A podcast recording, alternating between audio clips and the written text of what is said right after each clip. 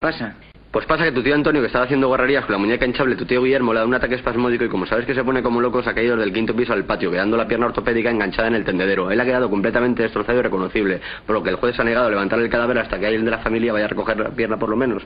Y como tu padre está en Barcelona, ha dicho tu madre que es su sobrino preferido y que vayas. ¿Cómo has dicho? Que tu tío Antonio que estaba haciendo guarrerías con la muñeca hinchable, tu tío Guillermo, y como sabes que se pone como loco, le da un ataque espasmódico y se ha caído del quinto piso al patio quedando la pierna ortopédica enganchada en el tendedero. Él ha quedado completamente destrozado y reconocible, por lo que el juez se ha negado a levantar el cadáver hasta que alguien pueda recoger la pierna por lo menos. Y como tu padre está en Barcelona, ha dicho tu madre que vayas. ¿Qué?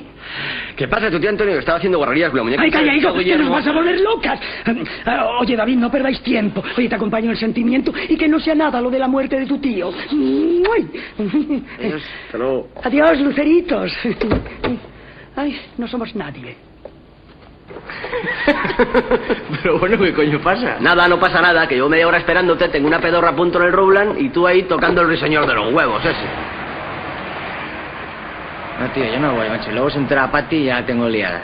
¿Qué va, hombre? No seas gilón. No tiene por qué enterarse. Nos pillamos entre los dos en el retrete. Primero yo y tú vigilas y luego tú. No me jodas. Bueno, acompáñame por lo menos. Venga, corre.